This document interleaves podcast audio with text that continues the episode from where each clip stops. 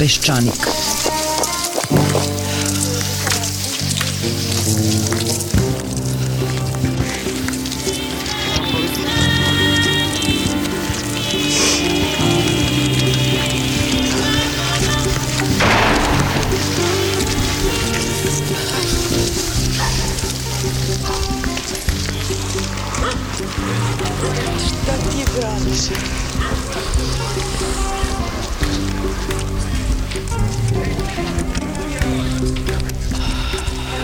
Peščanik.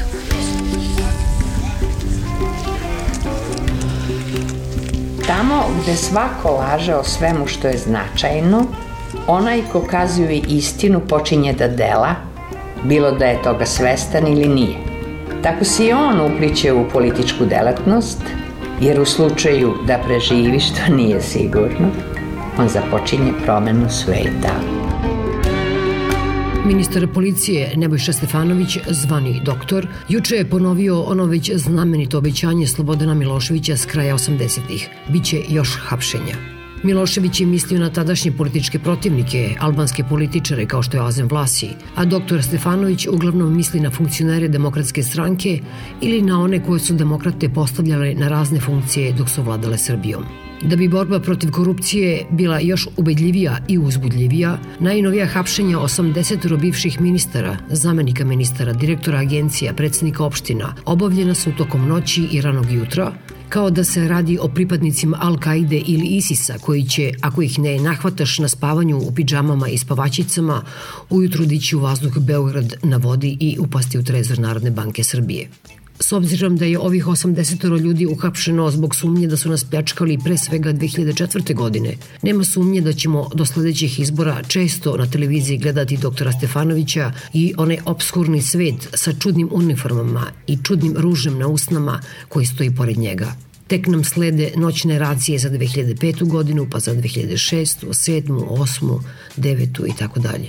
Ministar Selaković će očigledno morati da traži nove donacije od Evropske komisije. U aplikaciji će pisati, ako hoćete poglavlje 23 i 24, dajte pare za nove zatvore i noćni rad policije. Niko neće zaplakati za bivšim ministrom Milosavljevićem i raznim drugim uhapšenim funkcionarima demokratske stranke, jer s mnogo razloga ljudi veruju da je u vreme njihove vladavine opljačkan veliki novac. Mnogo bivših i sadašnjih funkcionera demokratske stranke ima mnogo razloga da noću osluškuje korake policijskih čizama u hodniku svojih luksuznih vila i stanova, ali je jasno da Vučić i njegovi jurišnici borbu protiv korupcije koriste pre svega kao mač za seču svojih političkih protivnika, za koju, što je najgore, koriste i policiju i tužilaštvo i sudstvo i medije. Posebno treba pratiti slučaj bivše direktorke Agencije za borbu protiv korupcije Zorane Marković. Ako se ispostavi da je njeno sinoćno hapšenje bez osnova, da je to nečija osveta, onda je to poruka i pretnja svim nezavisnim državnim institucijama. Ombudsmana su Vučićevi odredi optuživali za ubistvo, za ugrožavanje bezbednosti premijera i njegove porodice. Vučićev kum upada u Savet za borbu protiv korupcije i preti zatvorom. Članicu Saveta Miroslava Milenović neko fizički napada u haustoru zgrade u kojoj živi. Naprednjaci ne propuštaju priliku da diskvalifikuju poverenika za informacije ili agenciju za borbu protiv korupcije. Inače, Agencija za borbu protiv korupcije u svom tek objavljenom izveštaju navodi između ostalog da je za prošlogodišnju izbornu kampanju 2677 osoba uplatilo po 40.000 dinara na račun Srpske napredne stranke. Među njima je bilo i korisnika socijalne pomoći, kao i osoba koje taj novac nisu imale na računima, već su ga u gotovini uplaćivale na njih, a zatim na račun SNS-a a oči izbora 2012. godine registrovano je 2226 uplata SNS-u u istom iznosu od po 19.000 dinara. Sveta napredna stranka i njen preosvećeni lider moraće, na primjer, da objasne taj kolektivni trans, tu telepatsku povezanost hiljada ljudi koji kao jedan staju u redu pošti ili banci i voljenoj stranci uplaćuju do dinar isti iznos. Ove nedelje je objavljen i izveštaj Saveta za borbu protiv korupcije o, kako se zvanično zove, mogućem uticaju institucija javnog sektora na medije kroz plaćanje usluga oglašavanja i marketinga. Prema proceni saveta za poslednje četiri godine, odnosno u periodu od 2011. do 2014. Dakle i u periodu vladavine ne samo DS-a i njenih koalicijnih partnera, nego i SNS-a i njenih satelita, država je na to potrošila više od 800 miliona evra. Izveštaj saveta je pun besprizornih primera trošenja novca na stvarne, ali i izmišljenje marketičke kampanje, promocije, sponzorstva i razne druge stvari. Dok čitate tih 130 i više strana izveštaja, gledate te tabele, čitate koje su sve državne institucije i javna preduzeća, preko kojih marketičkih agencijama, kojim medijima uplaćivale razne marketinške usluge, smuči vam se i država i marketičke agencije i mediji. U današnjoj emisiji o najvažnijim nalazima iz ovog izveštaja govore članovi Saveta za borbu protiv korupcije Miroslava Milenović i Duša Sljepčević, kao i potpredsednik Saveta Miroslav Milićević. Sasvim ispravno pitanje zašto toliko se bavimo medijima.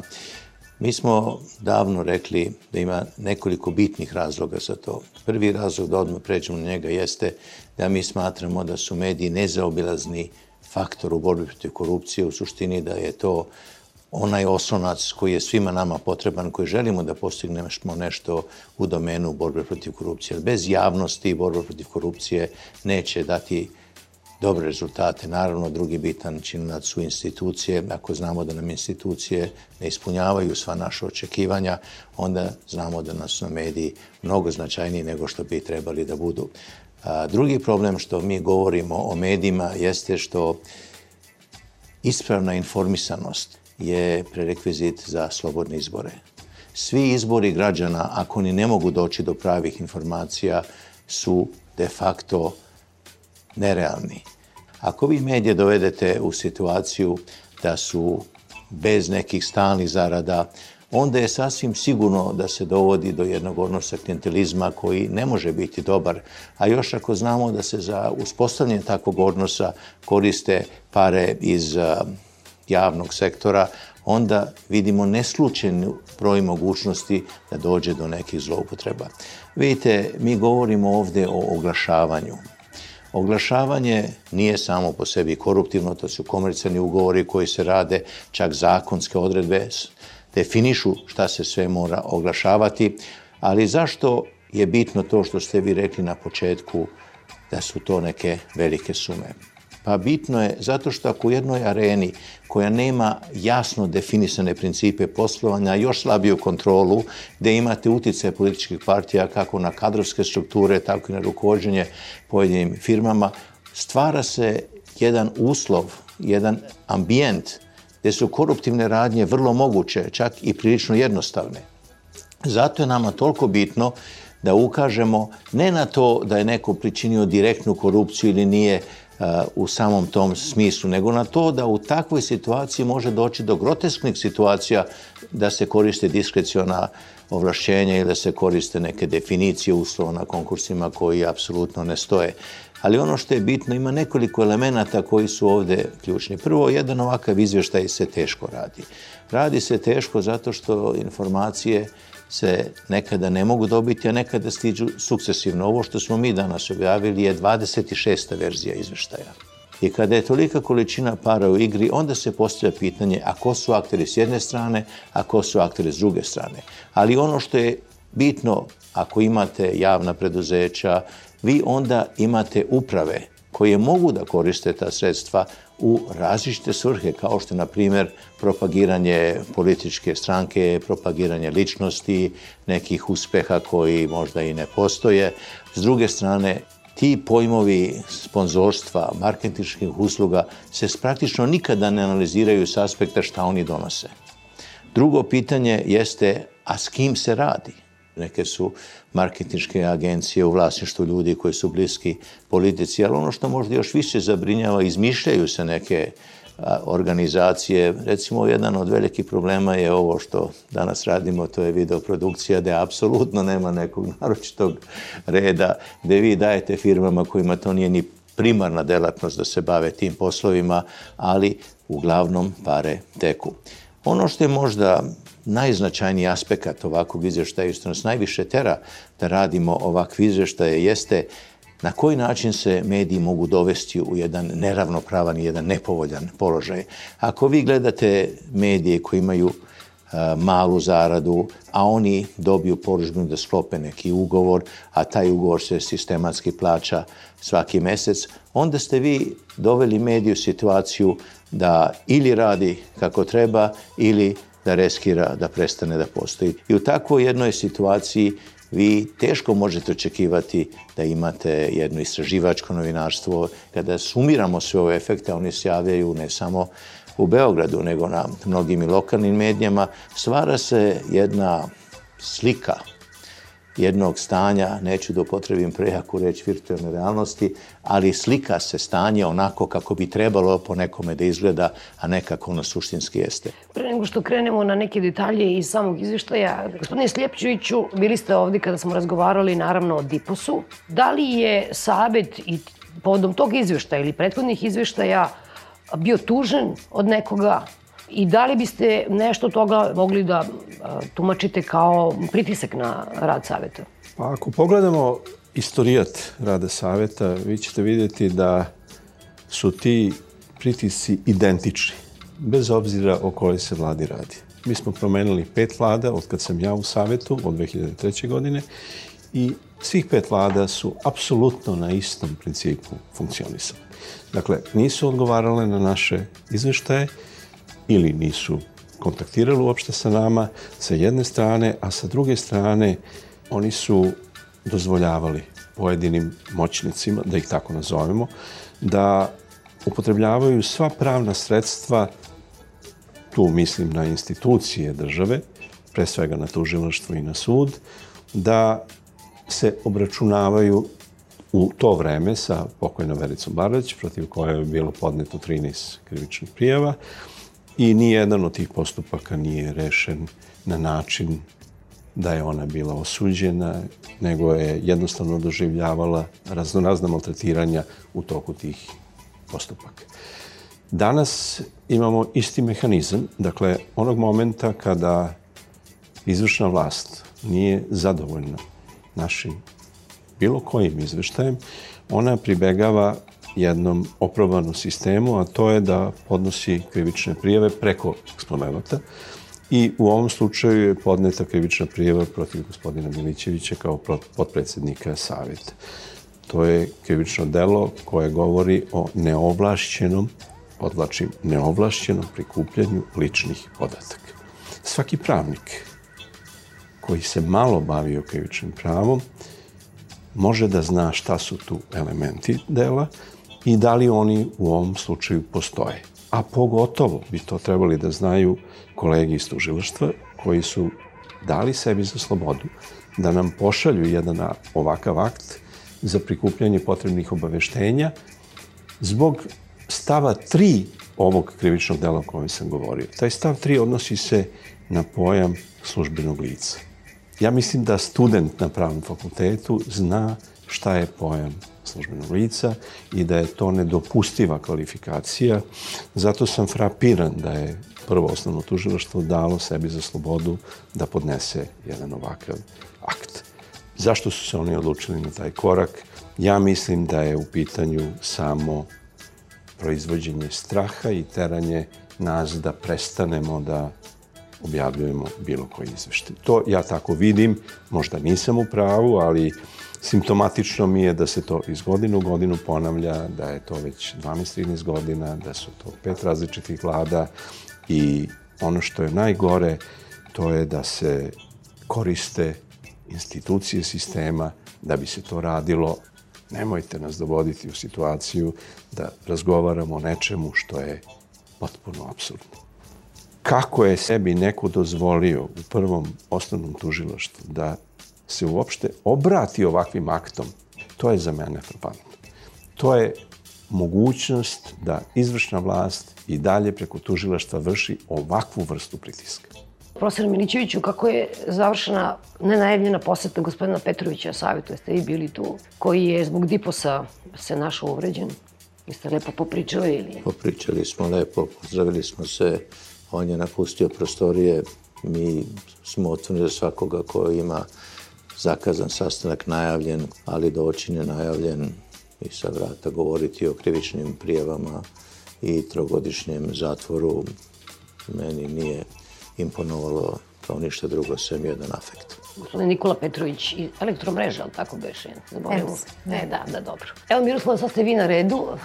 Objasnite nam tu brojku od 60,9 miliona evra i tu brojku od 840 miliona evra i prosto metodologiju na koji ste način radili da bismo mogli da donesemo nekakav zaključak da li to odražava stvarno stanje stvari. Kada uh, smo odlučili da čitav ovaj segment oglašavanja i marketinga posmatramo, a naročito odlive javnog novca, bili smo prinuđeni da definišemo ko su to akteri koji učestvuju u trošenju tog javnog novca i mi smo se opredelili da m, te aktere svrstamo u nekih 12 kategorija – To su pre svega ministarstva, zatim organi državne uprave, ustanove sa javnim ovlašćenjima, agencije, fondovi, javna preduzeća, državna preduzeća sa većinskim državnim vlasništvom, zatim lokalna samouprava, pa javna preduzeća na lokalnom nivou, pa onda organi autonomne pokrajine ovaj, Vojvodine uzora koji smo posmatrali faktički ne predstavlja ni 2% svih registrovanih lica u ovim kategorijama koji se vode u Statističkom zavodu. Dopisom smo se obratili, to su 124 institucije i tražili smo prvo ugovore i čitavu dokumentaciju na osnovu koje su sklopljeni ti ugovori – i takođe smo tražili koliko je izvršeno plaćanje tih usluga, kada kažemo usluga, oglašavanje i marketinga u najširem smislu. Znači i oglašavanje, i sponzorstva, i donacije, i štampanje publikacija, i press clipping, održavanje web sajtova, znači za period 2011. decembar 2014. godine. Od 124 ovaj, institucije, samo dva javna preduzeća su odbila da daju bilo kakve podatke. Ali koja dva javna preduzeća? To su faktički najveći konzumenti, to su Srbija Gas i Telekom. Kada govorimo o ova dva javna preduzeća, ja uzimam za slobodu da kažem da se radi o vrlo velikim naručiocima ove vrste usluga, pre svega crpeći informacije iz javno dostupnih finansijskih izveštaja za period 2011-2014. Tako da se radi o jasno milionskim iznosima. Znači, kada govorimo o 60 miliona evra za sve troškove ovih oglašavanja i marketinga, Savet je našao da, su to, da je to minimalni iznos. Upravo zbog toga što nema Srbija, Srbija gasa, nema, nema Telekoma, a isto tako nema i još najrazličitijih aktera, odnosno postoje niži iznosi koje mi pretpostavljamo nego što su stvarno ovaj, načinjeni. Tu slobodu sebi dajemo pre svega jer smo ukrštali podatke sa podacima iz trezora i tu smo pronašli određena plaćanja koja nisu zastupljena i nisu o, potkrepljena ugovorima i podacima koji su nama dostupni. Osim o, Srbija Gasa i Telekoma koji su i kažnjeni od strane poverenika, Moram da napomenem da smo prilikom izrade ovog izveštaja Savet je bio prinuđen da se preko 50 puta obrati povereniku da bi određene informacije od javnog značaja uspeo da dobije. Koliko sam videla, ništa vam nije vredilo Ministarstvo inostranih poslova? A, Ministarstvo inostranih poslova, sa njima smo u konstantnoj prepisci i eto, dan posle usvajanja ovaj, izveštaja, oni su potvrdili nekih pet i po otprilike miliona dinara da su njihovi troškovi, ali da napomenem da a, su tvrdoglavo odbijali da daju bilo kakve informacije, govoreći da sve što su platili za propagandu i za marketing, da su platili u ime Republike Srbije, a ne u ime uh, ministarstva. I ne samo to, nego oni kažu, mi smo angažovali agenciju u Vašingtonu, neće da kažu koliko su platili, naravno, ali bi informacija ta više štetila Srbiji otprilike nego što bi javnost mogla da ima koristi, je li tako? Jeste, i to su isto saopštili da se radi o lobiranju za Republiku Srbiju. Uh, ali nije to jedino što je važno. Postoji mnogo drugih malih ugovora, sitnih ugovora oglašavanja i marketinga koji oni evo još uvek tvrdoglavo nisu spremni ovaj da obelodane. Samo da napomenem da ovih 5,5 miliona ovaj, dinara, da se radi samo o tri ugovora i to su faktički iznosi koje smo mi napomenuli da smo videli u određenim plaćanjima trezora i onda su oni nama potvrdili, te, potvrdili to da kao u redu je to. Dobro ste to našli. Uhvatili ste da. Ali nije to jedino. Evo, PTT je isto tvrdoglavo ovaj, odbijao da nam dostavi preko poverenika. O, poverenik je izdao faktički nalog Onda su oni krenuli da, da nam dostavljaju određene ugovore i u ovom izveštaju su oni prezentovani sa iznosom od 37 miliona dinara. Samo dan posle usvajanja izveštaja opet dobili smo nove ugovore i dobili smo da je ukupan iznos preko 237 miliona dinara. Ova razlika od skromnih 2 miliona evra upravo se odnosi na sponzorstva i na, i na donacije. Uh, tako da kada pričamo o 60 ovaj, miliona evra, ja mislim da pričamo o minimalnom, o minimalnom iznosu. Dakle, 60 miliona evra za četiri godine za ove... Za 124 minus ministarstva, Jasno. minus vlada Republike Srbije, minus, minus Srbija Gas, minus e, pošte, minus Telekom, minus, minus i informatika koja na kašičicu daje minus, minus dosta. E sad, s obzirom da je naš uzorak bio manji od 2% registrovanih uopšte pravnih lica, mi smo uradili srednju vrednost po kategoriji u potrošenog novca za ovaj, usluge oglašavanja i marketinga i onda to napravili ekstrapolaciju faktički na čitav segment onih koji su registrovani u Republici Srbiji i dobili iznos od preko 840 miliona evra ja imam slobodu da kažem da je i to minimalni iznos, da se radi o mnogo, o mnogo većem zapravo novcu. Dajte nam primere, dajte da vidimo metodologiju kako su se ta sredstva odlivala, kako to ide preko javnih nabavki, kako ide direktnom pogodbom, ona čuvena čivija, to je sitne nabavke, pa podelimo 100 miliona na 100 i onda a, tako ne može niko da nas uhvati. Pa ovde je važno reći da, da u celom izveštaju mi ne polemišemo da li je neko trebao da se oglasi, da li je neko trebao da ima ovu ili onu uslugu. Mi ovde samo pokazujemo sa kojim modelima je ta usluga nabavljena i da li je bilo konkurencije i da li je ta konkurencija definisala cenu. Bez obzira koji model javne nabavke se primenio, zaključak se nažalost nameće gotovo isti, a to je da se simulirala konkurentnost, transparentnost i da su se izigravale procedure. Pa da krenemo redom, na primer, ono što je, bi trebalo da bude ovaj, najtransparentnije, a to je javna nabavka ovaj, u otvorenom postupku. Tu se napravo, zapravo do savršenstva malo komplikuje stvar sa preko subjektivnih kriterijuma za bodovanje i tu je EPS jedan od šampiona toga gde faktički imate da je edukativnost ili zanimljivost ili jasnost ili kreativnost nekog rešenja zapravo nosi mnogo veći broj bodova nego sama, sama cena. Male javne nabavke, osim onog problema da se velike javne nabavke cepkaju u, u niz nekih malih javnih nabavki koji je prisutan, da tako kažem, u celom društvu. Ovde postoje još neka dva nova modaliteta koje smo, koje smo primetili, a to je da najčešće postoji dogovor između tri marketinške agencije, gde dve marketinške agencije faktički samo simuliraju da žele da učestvuju u tom postupku. To se dešava da dva pravna lica godinama ne overavaju nekih 10 do 15 dokumenta, zaboravljaju da stave pečat na određene dokumenta i onda se to dešava i 2011. i 12. za ista pravna lica, prosto eto nikako ne mogu da nauče šta to treba da, da ovaj, podnesu, tako da treća agencija gotovo uvek dobija na toj maloj javnoj nabavci.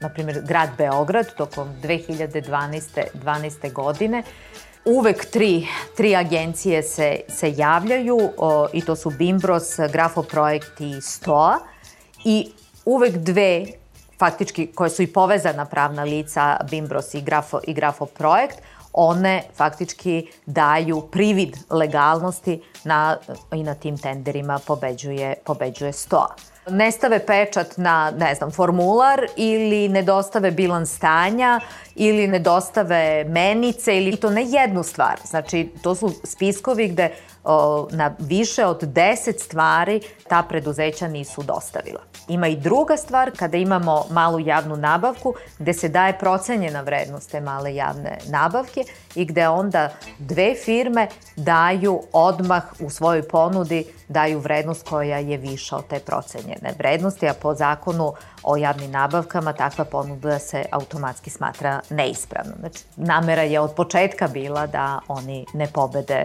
na, na, pa vi ste na pili, ako piše do 2 miliona, a ti kažeš ja koštam 6 miliona. Upravo tako se i dešavalo, procenjena javna nabavka 2 miliona, oni kažu 2, 2 i 400, druga kaže 2 i 200, ova da milion i 900 i tako se završava ovaj priča. Ima tu puno primera, na primjer u Ministarstvo za rad, zapošljavanje, boračka i socijalna pitanja, bila je mala javna nabavka za insertovanje promo materijala u jednom dnevnom, dnevnom listu. Međutim, na kraju niti je bilo insertovanja u, u dnevnom listu, nego je bilo u dva nedeljnika i to jedan od tih nedeljnika radi se o pečatu gde je ministar Vulin bio urednik pre nego što je postao ministar. U javnom preduzeću Putevi Srbije, koje, koje vodi kadar SPS-a, da u, u kampanji za 2012. godinu ovaj, bira upravo firmu Watch Out koja tada radi kampanju za SPS. Pa onda isto tako Fond za mlade talente Ministarstva omladine i sporta, tri, tri firme od koje su tri u vlasništvu upravo ljudi koji su, koji su povezani sa URSom. Pa onda u AOFI, Agencija za osiguranje i finansiranje izvoza, tu ima isto interesantna stvar da su tri ponude gde su dve neispravne i to neispravne u više od deset stvari, a pobeđuje firma u kojoj je direktor gradski menadžer Goran Besić. Pa, najviše sredstava, preko 57 57% potrošili su zajedno dve posmatrane kategorije i to privredna društva sa većinskim državnim kapitalom 42 i 15 javna preduzeća sa 15,46. Međutim, kad je reč o vrsti troškova analiza, saveta pokazuje da se više od 57 posto ukupno plaćenih troškova odnosi na troškovi dve kategorije. Troškovi oglašavanja u sredstvima javnog informisanja 28% i troškovi sponzorstva i donacija.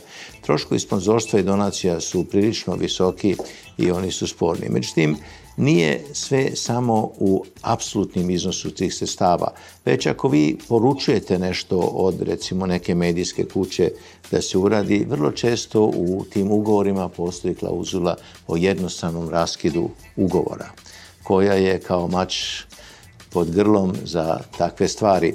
Ono što možda treba da se jasno kaže jeste da ima ovde mesta za uštede. Da se odlivi koji nisu neophodni kao finansiranje određenih sportskih društava ili saveza ili tako nešto, koncerata, koncerata jer takve stvari a, dovede dotle da bude racionalno. Niko ne kaže da jedno preduzeće ne treba nekad nešto i da uradi za svoju sredinu. Treba, ali to treba biti proporcionalno mogućnosti tog preduzeća i ne sme da se reperkutuje na njegovo poslovanje, a pogotovo ne sme da ima neku političku konotaciju ili da promoviše nekoga tendencijozno. Kako ja da znam ako se oglasi meni u novinama neki ministar ima autorski tekst, da li je to plaćeno ili on tako u nadahnuću hteo nešto da napiše, da li je određen tekst o nekom ministarstvu, da li je on naručen ili je e, tekst koji je autorsko delo novinara ili urednika. To su složena pitanja, međutim u ugovorima nekada mogu biti sadržani uslovi ko bi trebao šta da napiše, vi nećete nikad staviti šta bi trebao da napiše, ali ćete imati u nekim ugovorima situaciju gde će se pre nego što se piše nešto što je loše onome koji je poručio mora usaglasiti sa davalcem. Ja sam namerno potencirao raskid ugovora zato što mi u praksi to vidimo. Ako dođe do toga da se pojavi u nekim novinama nešto što nije pozitivno, vi raskinete ugovor sa jednim od najvećih oglašivača. Posle toga dođe drugi i vi ste doveli te, da kažemo, novine u jedan veoma nezavidan položaj. Znate, kada vi imate ugovor sa jednom velikom kućom, koja ima ogromnu zaradu, pa vama recimo milion godišnje ne znači ništa, onda je to manje štetno i može proizvesti manje pritiska. Ali kada ste vi na rubu egzistencije i vi uvek kalkulišete to što radite i to dobro radite, neko vam kaže, e, sad više to nećeš raditi, onda to ima veoma, veoma jasnu konotaciju jednog pritiska i nezadovoljstva. Pa evo još jednom fenomenu koji je uočen, to je fenomen uh, pregovaračkog postupka. Najčešće se upravo pregovara sa željenom firmom. Da absurd bude veći, najčešće su to usluge koje sami zaposleni u jednom preduzeću ili u jednoj ustanovi zapravo mogu sami da pruže. Na primer, Ratel je plaćao 70.000 evra PR usluge, a da je reč u ugovoru o takvim uslugama koje mogu da pruže apsolutno zaposleni u Ratelu. Zatim, Narodna skupština je predno sednica, sklopila je ugovor sa RTS-om, cena toga je bila 80 miliona dinara godišnje. Zapravo, e, to je cifra koja se našla e, kao moguća da je Skupština plati, a da li to prevazilazi trošak RTS-a ili je trošak manji ili koliko bi to zapravo bila paušalno. cena, on je paušalno određen kao nešto što se našlo u budžetu i toliko oni mogu da plate. I sada to je to. I nije važno koliko ima sednice, prenosa. Nije, apsolutno nije važno i vi sada iz toga a ne možete da vidite uopšte. Prvo, godinama je ista, ista cifra, nevezano od broja sednica, nevezano uopšte od toga šta se prenosi, koliko se prenosi i da se zapravo je pitanje je tu javni servis na gubitku ili je, ili je na, na dobitku. Pa zatim da kompanija Galenika je isto ugovorila aprila 2012. negde pred ovaj izbore sa preduzećem Watch Out određene reklame na televiziji Pink i na studiju B, na televiziji Pink negde preko 300.000 dinara, na studiju B negde preko 18, 18 miliona ovaj, dinara. Uh, firma Watch Out u to vreme radi kampanju za, za SPS, a kadar SPS-a se nalazi u upravnom izvršnom odboru te, te firme. Uh, zatim, u Nišu, u zapisniku komisije, nailazimo na direktno mešanje zamenika gradonačelnika koji bukvalno diktira kako će da izgleda tok javne nabavke, koji će biti uslovi i tako dalje, mimo bilo kakvih stručnih službi koje u tom, u tom momentu postoje. I sad, postoje i direktno ugovaranja bez javne nabavke i tu se najčešće ugovaraju u stvari videoprodukcije. A, vi ste konstatovali koliko sam videla da je u apsolutnim ciframa došlo do smanjenja od 2011. do 2014. godine, međutim u videoprodukciji je došlo do povećanja. Do povećanja. U videoprodukciji i u sponzorstvima je došlo do povećanja, u ovom oglašavanju i nekim drugim do smanjenja. Ali kada se gleda tačno je da 2014. je najmanje sredstava potrošeno, 2012. najviše, ali kada gledamo po kategorijama u ministarstvima je došlo do štednje 2014. u najvišim državnim organima, isto tako u fondovima, u agencijama, ali u javnim preduzećima i u preduzećima sa većinskim državnim vlasništvom nije i tamo gde je došlo do povećanja troškova, to je na teritoriji autonomne pokrajine Vojvodine u vladi autonomne pokrajine ovaj, Vojvodine.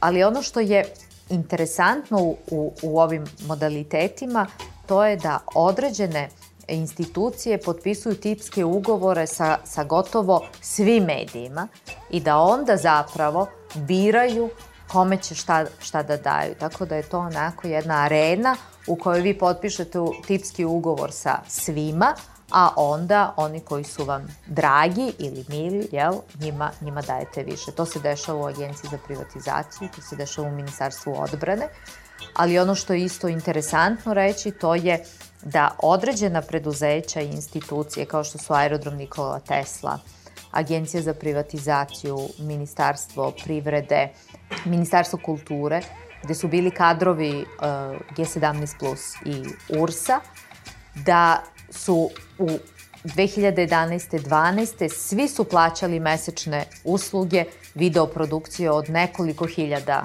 evra, a da onda dolaskom nove vlade i odlaskom URSA sa političke scene, sve ove institucije odjedan put posluju baš bez tih usluga. i to je ono što je vrlo interesantno i indikativno, naročito za ove uh, usluge video produkcija i tu se, znači bez javnih nabavki, smenjuju se stalno tri povezana pravna lica, uh, Videonet, Frame TV Production i Inforbiro. Gotovo u svim ovim pomenutim Kad kažete, objasnite samo povezana pravna lica? Pa vlasništvom, vlasništvom, da. Ista adresa, isti telefoni i povezani preko vlasnički povezani. Samo jedan detalj kad ste govorili o povezanim pravnim licima, prosto mi skrenulo pažnju strategic marketing. Za nas je godinama ta agencija značila poverenje i tako dalje. Naravno, ne dovodim sad ništa u pitanje, ali mi je zanimljivo da, koliko sam ja videla da ste vi našli da je direktor strategic marketinga konkurisao na jednom konkursu, kao direktor, a kao vlasnik bio sam konkurent, tako? Jeste, ja jeste. Pa to je opet ta čuvena mala nabavka gde je tri marketinške agencije koje se nalaze, a gde ja čak mogu da kažem sve tri uh, povezane na, na neki način. Da, upravo ste. Ja moram da postavim pitanje kada jedna javno preduzeće poruči jednu videoprodukciju. Ko je taj ko procenjuje kvalitete videoprodukcije? Da li ćemo mi, recimo, u kanalizaciji vodovodu napriti komisiju koja će proceniti da li ta videoprodukcija vredi 30.000 evra ili 10.000. To su ipak neka dela koja imaju jednu komponentu kreativnog, autorskog dela. Trebalo bi da neko kompetentan to procenjuje. Svedoci smo svih ovih godina raznih nekih manje uspešnih, nekih više uspešnih uh, videoprodukcija o borbi protiv pušenja, protiv raka dojke, za očistimo Srbiju. Da li se ikada gleda kalika, kakav impakt imaju te videoprodukcije na javno mnjenje? Ili se samo ide na to da se napravi videoprodukcija, komisija u firmi kaže to je odlično, sviđa mi se čovek čulja koji skakuće, ali postoje se pitanje kako suštinski izgleda ti ugovor. Ako u tom ugovoru stoji da se svake godine mora izdavati nova videoprodukcija, nešto, vi dolazite u situaciju da ti jedna firma sebi obezbedi posao za jedan duži period, a obim posla će biti sve manji jer će se na osnovu postojećeg materijala, postojećeg koncepta samo vršiti neke dogradnje na dogradnje, a da će efekat i uticaj na javnost biti praktično isti ili nikakav.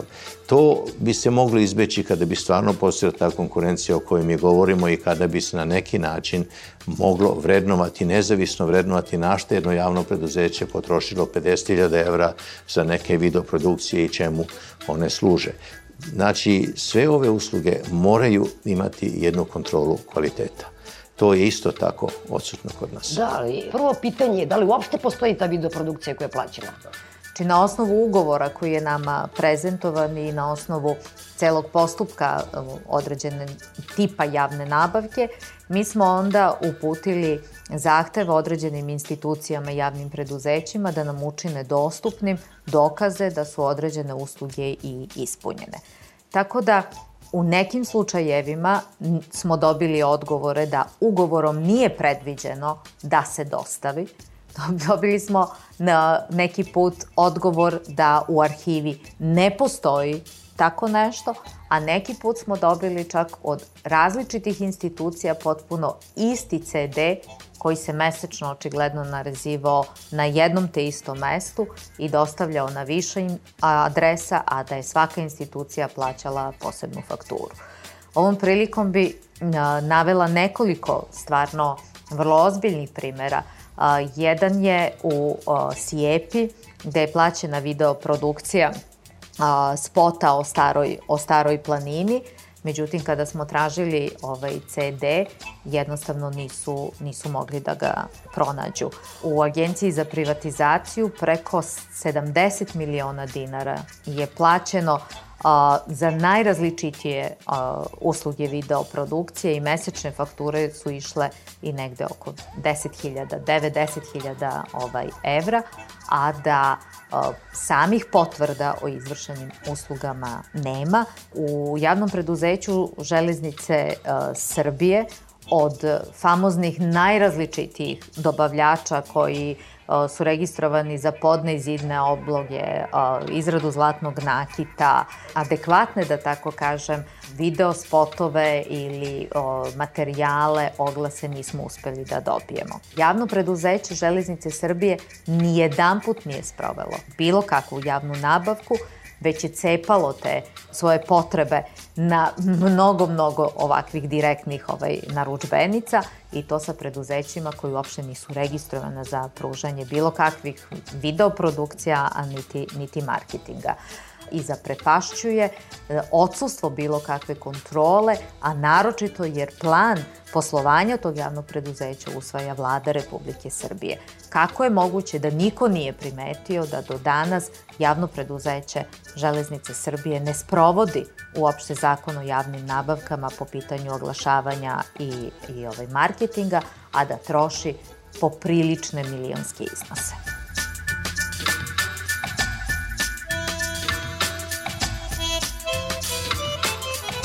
Mi u Srbiji imamo nekoliko fakulteta za marketing i komunikaciju. Mi smo proizveli nekoliko generacija ljudi kojima je ovo struka. A ako pogledamo ko su PR-ovi po tim preduzećima, onda ćemo videti da to nisu ti ljudi. A naravno, ako to ne uradimo, mi ćemo uvek imati i lošu ideju, loš koncept, preplaćenu situaciju i nećemo postići cilj zbog kojeg se koriste tolika javna sredstva. Interesantno je da se u ugovorima između državnih institucija i pojedinih medija baš unosi obaveza medija da izveštava afirmativno o radu tog ili te državne institucije ili tog javnog preduzeća. I to neskriveno, znači ne, ne čitamo ovo između redova, nego baš neskriveno. Na primer, um, javnog komunalnog preduzeća Vodovod u Nišu i Gradska toplana u Nišu bukvalno piše u ugovoru da negativne informacije o preduzeću se ne objavljuju pre nego što se o tome zatraži stav preduzeća. Pitali ste kako znamo kada čitamo neki afirmativni članak o radu nekog ministarstva ili nekog ministra, uh, da li je to uh, plaćen tekst ili je to novinar koji radi intervju. Ne možemo da znamo do evo ovog momenta kada otkrivamo određene ugovore i kada smo određene ugovore videli, jer u tim ugovorima baš vrlo jasno piše šta je predmet ugovora. Naprimer, a, Rasim Ljajić, koji je u kuriru ovaj, objavljivao u formi intervjua, to su platili poreski ovaj, obveznici i isto tako i državna sekretarka u tadašnjem ministarstvu trgovine i ministar u, u ministarstvu trgovine Rasim Ljajić, sve se fakturisalo Ministarstvu trgovine, a to su bili intervjui koji su davali ministar i državna sekretarka o kampanji vezano za digitalizaciju. Ministarka Jasna Matić, njene kolumne u kuriru, isto tako smo platili mi, odnosno platilo je ministarstvo, a posredno budžet Republike Srbije. Takvih primera ima jako mnogo. Kroz različite forme poslovno-tehničke saradnje, kompenzacija, ugovora o delu, da javna preduzeća i ustanove, na primer, sponzorišu nagrade koje potom oni koji su bliski toj političkoj opciji i partiji zapravo i dobijaju. Jedan od primera je Jugoimport SDPR koji je nevladinoj organizaciji koja dodeljuje nagradu Najevropljanin 2014. dodelila određena sredstva za dodelu nagrade Najevropljanin 2013.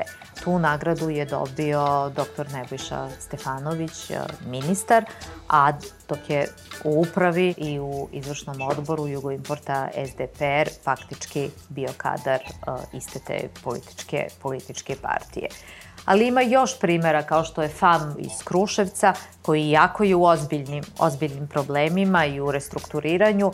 On, e, na primer, usluge reklamiranja u Zvezdama Granda plaća svojom robom e, i to jednoj predizetničkoj radnji koja je ugovorila reklamiranje. Radi se o nekom autoservisu ovaj, za, i za pranje, pranje kola i tako dalje. Tako da mnogo ima najrazličitijih uh, usluga. Zapravo te usluge uh, nemaju nikakve veze sa delatnošću te državne ovaj, institucije ili tog javnog preduzeća.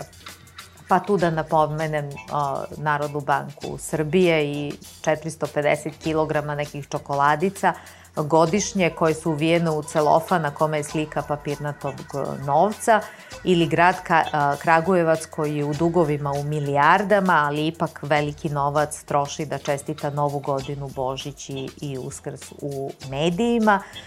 pa onda najrazličitije uh, produkcije koje plaća grad Beograd privatnim producentskim kućama, iako u isto vreme plaća ogromne svote novca, odnosno subvencije radioteleviziji Studio B i prosto ne možemo da se otmemo utisku da je i Studio B mogao iste te usluge, imao i znanja i kvaliteta i kadra, da iste te usluge ovaj, pruži gradu Beogradu. Ajde, razveselite me samo na kraju sa ovaj, onom bankom i sa Jagodinom i a to je Srpska, Srpska banka koja je u većinskom državnom vlasništvu, odnosno našem jel, vlasništvu, koja je sponzorisala a, političara iz Jagodine da se slika sa svojim o, studentima i sugrađanima po Austriji i po Grčkoj. To, to smo mi platili preko ovaj, Srpske banke.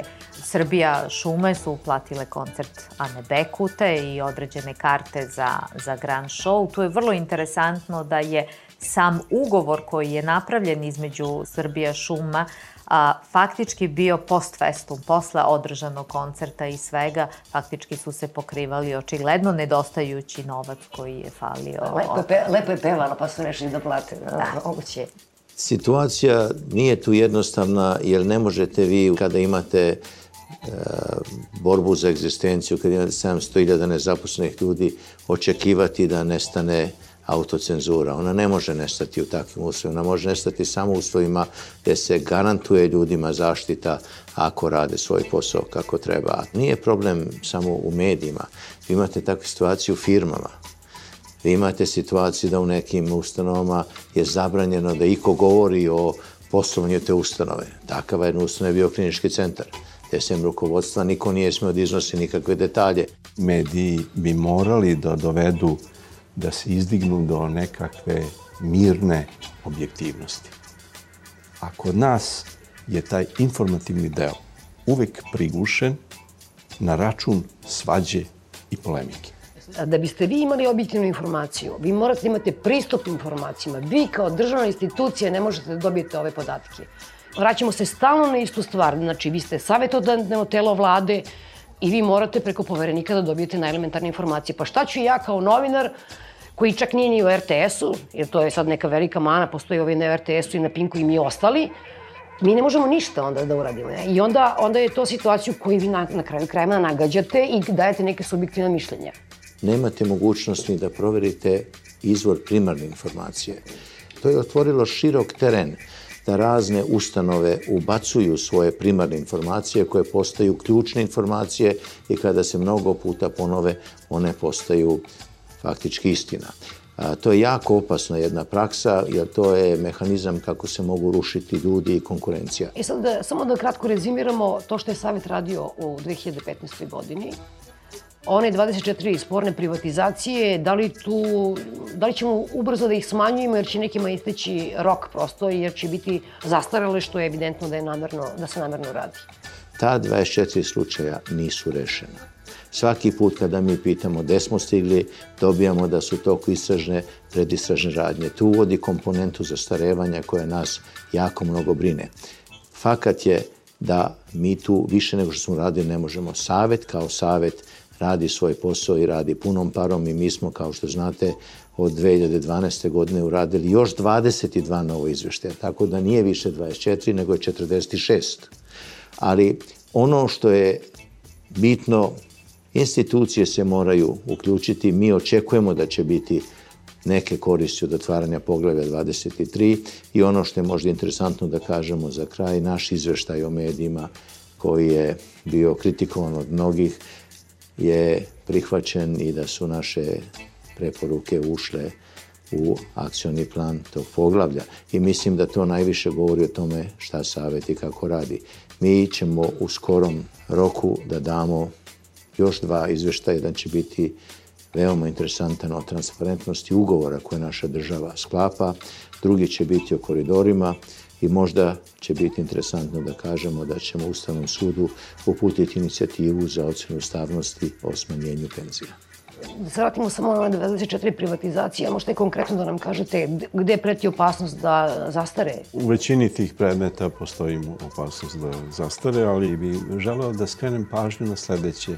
Ja sam ispred saveta određen za učestvovanje u radu oko poglavlja 23 koji govori o korupciji. Mislim da bi tu trebalo pomenuti još odgovor šefa delegacije Evropske unije u Srbiji od 17.4.2012. godine, koji je na pitanje novinara politike rekao da su 24 slučaje privatizacije i korupcije jedno od pitanja za koje se očekuju očekuju da budu rešena u okviru poglavlja koja se odnosi na vladavinu prava. Iako pažljivo pročitate izveštaj Evropske komisije, koja je sada stiglo pre mesec dana, možda i manje, ona je ocenila da je Srbija načinila, ali pazite termin koji se upotrebljava, određeni napredak, ali je korupcija ostala raširena i potreban je snažan politički podsticaj koji će da se pretoči u održive rezultate. Šta oni po tim podrazumevaju? Pa podrazumevaju pre svega postizanje rezultata u krivičnim istragama, po optužnicama i konačnim presudama za korupciju na najvišem nivou. To je prvo i osnovno što očekuju od nas. To ko se zanosi, da to neće biti problem, da će biti veliki problem i mi ćemo kao država imati probleme. I zato moramo ozbiljno da se time bavimo. To je jedna stvar. Druga stvar je da mora da se stvori sistem da sve ključne institucije imaju dovoljno kapacitete i resurse da ispune svoje dužnosti. Šta to podrazumeva? Pa to podrazumeva da Savet za borbu protiv korupcije ima dovoljan broj članova, jer nas šestoro ne možemo iznati više problematiku e, ovoga i izlagati se ovakvim problemima kakve smo imali, kakve je imala gospođa Milenović u zadnjih meseci po dana. Treća stvar je da oni predlažu i zahtevaju i očekuju da se donese hitna dopuna krivičnog zakonika u oblasti privrednog kriminala i korupcije, na kojoj se manje više i radi, ali se radi samo zato da bi se ispunila forma. Ne mogu se time baviti ljudi koji nikada u praksi nisu radili na način kakav je uveden kod nas, na primjer, novi zakon u krivičnom postupku, koji se već sada govore da će se značajno promeniti. I na kraju e, oni predlažu e, brzo donošenje za novog zakona o agenciji za borbu protiv korupcije, kako bi se ojačala uloga tog organa kao ključnog za delotvorniju borbu protiv korupcije. Na tom zakonu se sada iznenada vlada odjednom saglašava, a imamo unazad pet ili šest meseci da nije bilo nikakvih reakcija na te sastanke, nisu dolazili na sastanke, nisu učestvovali u njima i nisu davali svoje sugestije, samo zato što su želeli da to legne onako kako oni misle da to može da se. Toga više nema. Dok to ne shvatimo kao država, mi ćemo stalno biti u problemu. Bio ovo Peščanik, u emisiji su govorili Miroslav Milićević, Miroslava Milenović i Dušan Sljepčević iz Saveta za borbu protiv korupcije. Pozdravljaju vas Svetlana Vuković i Svetlana Lukić. Peščanik.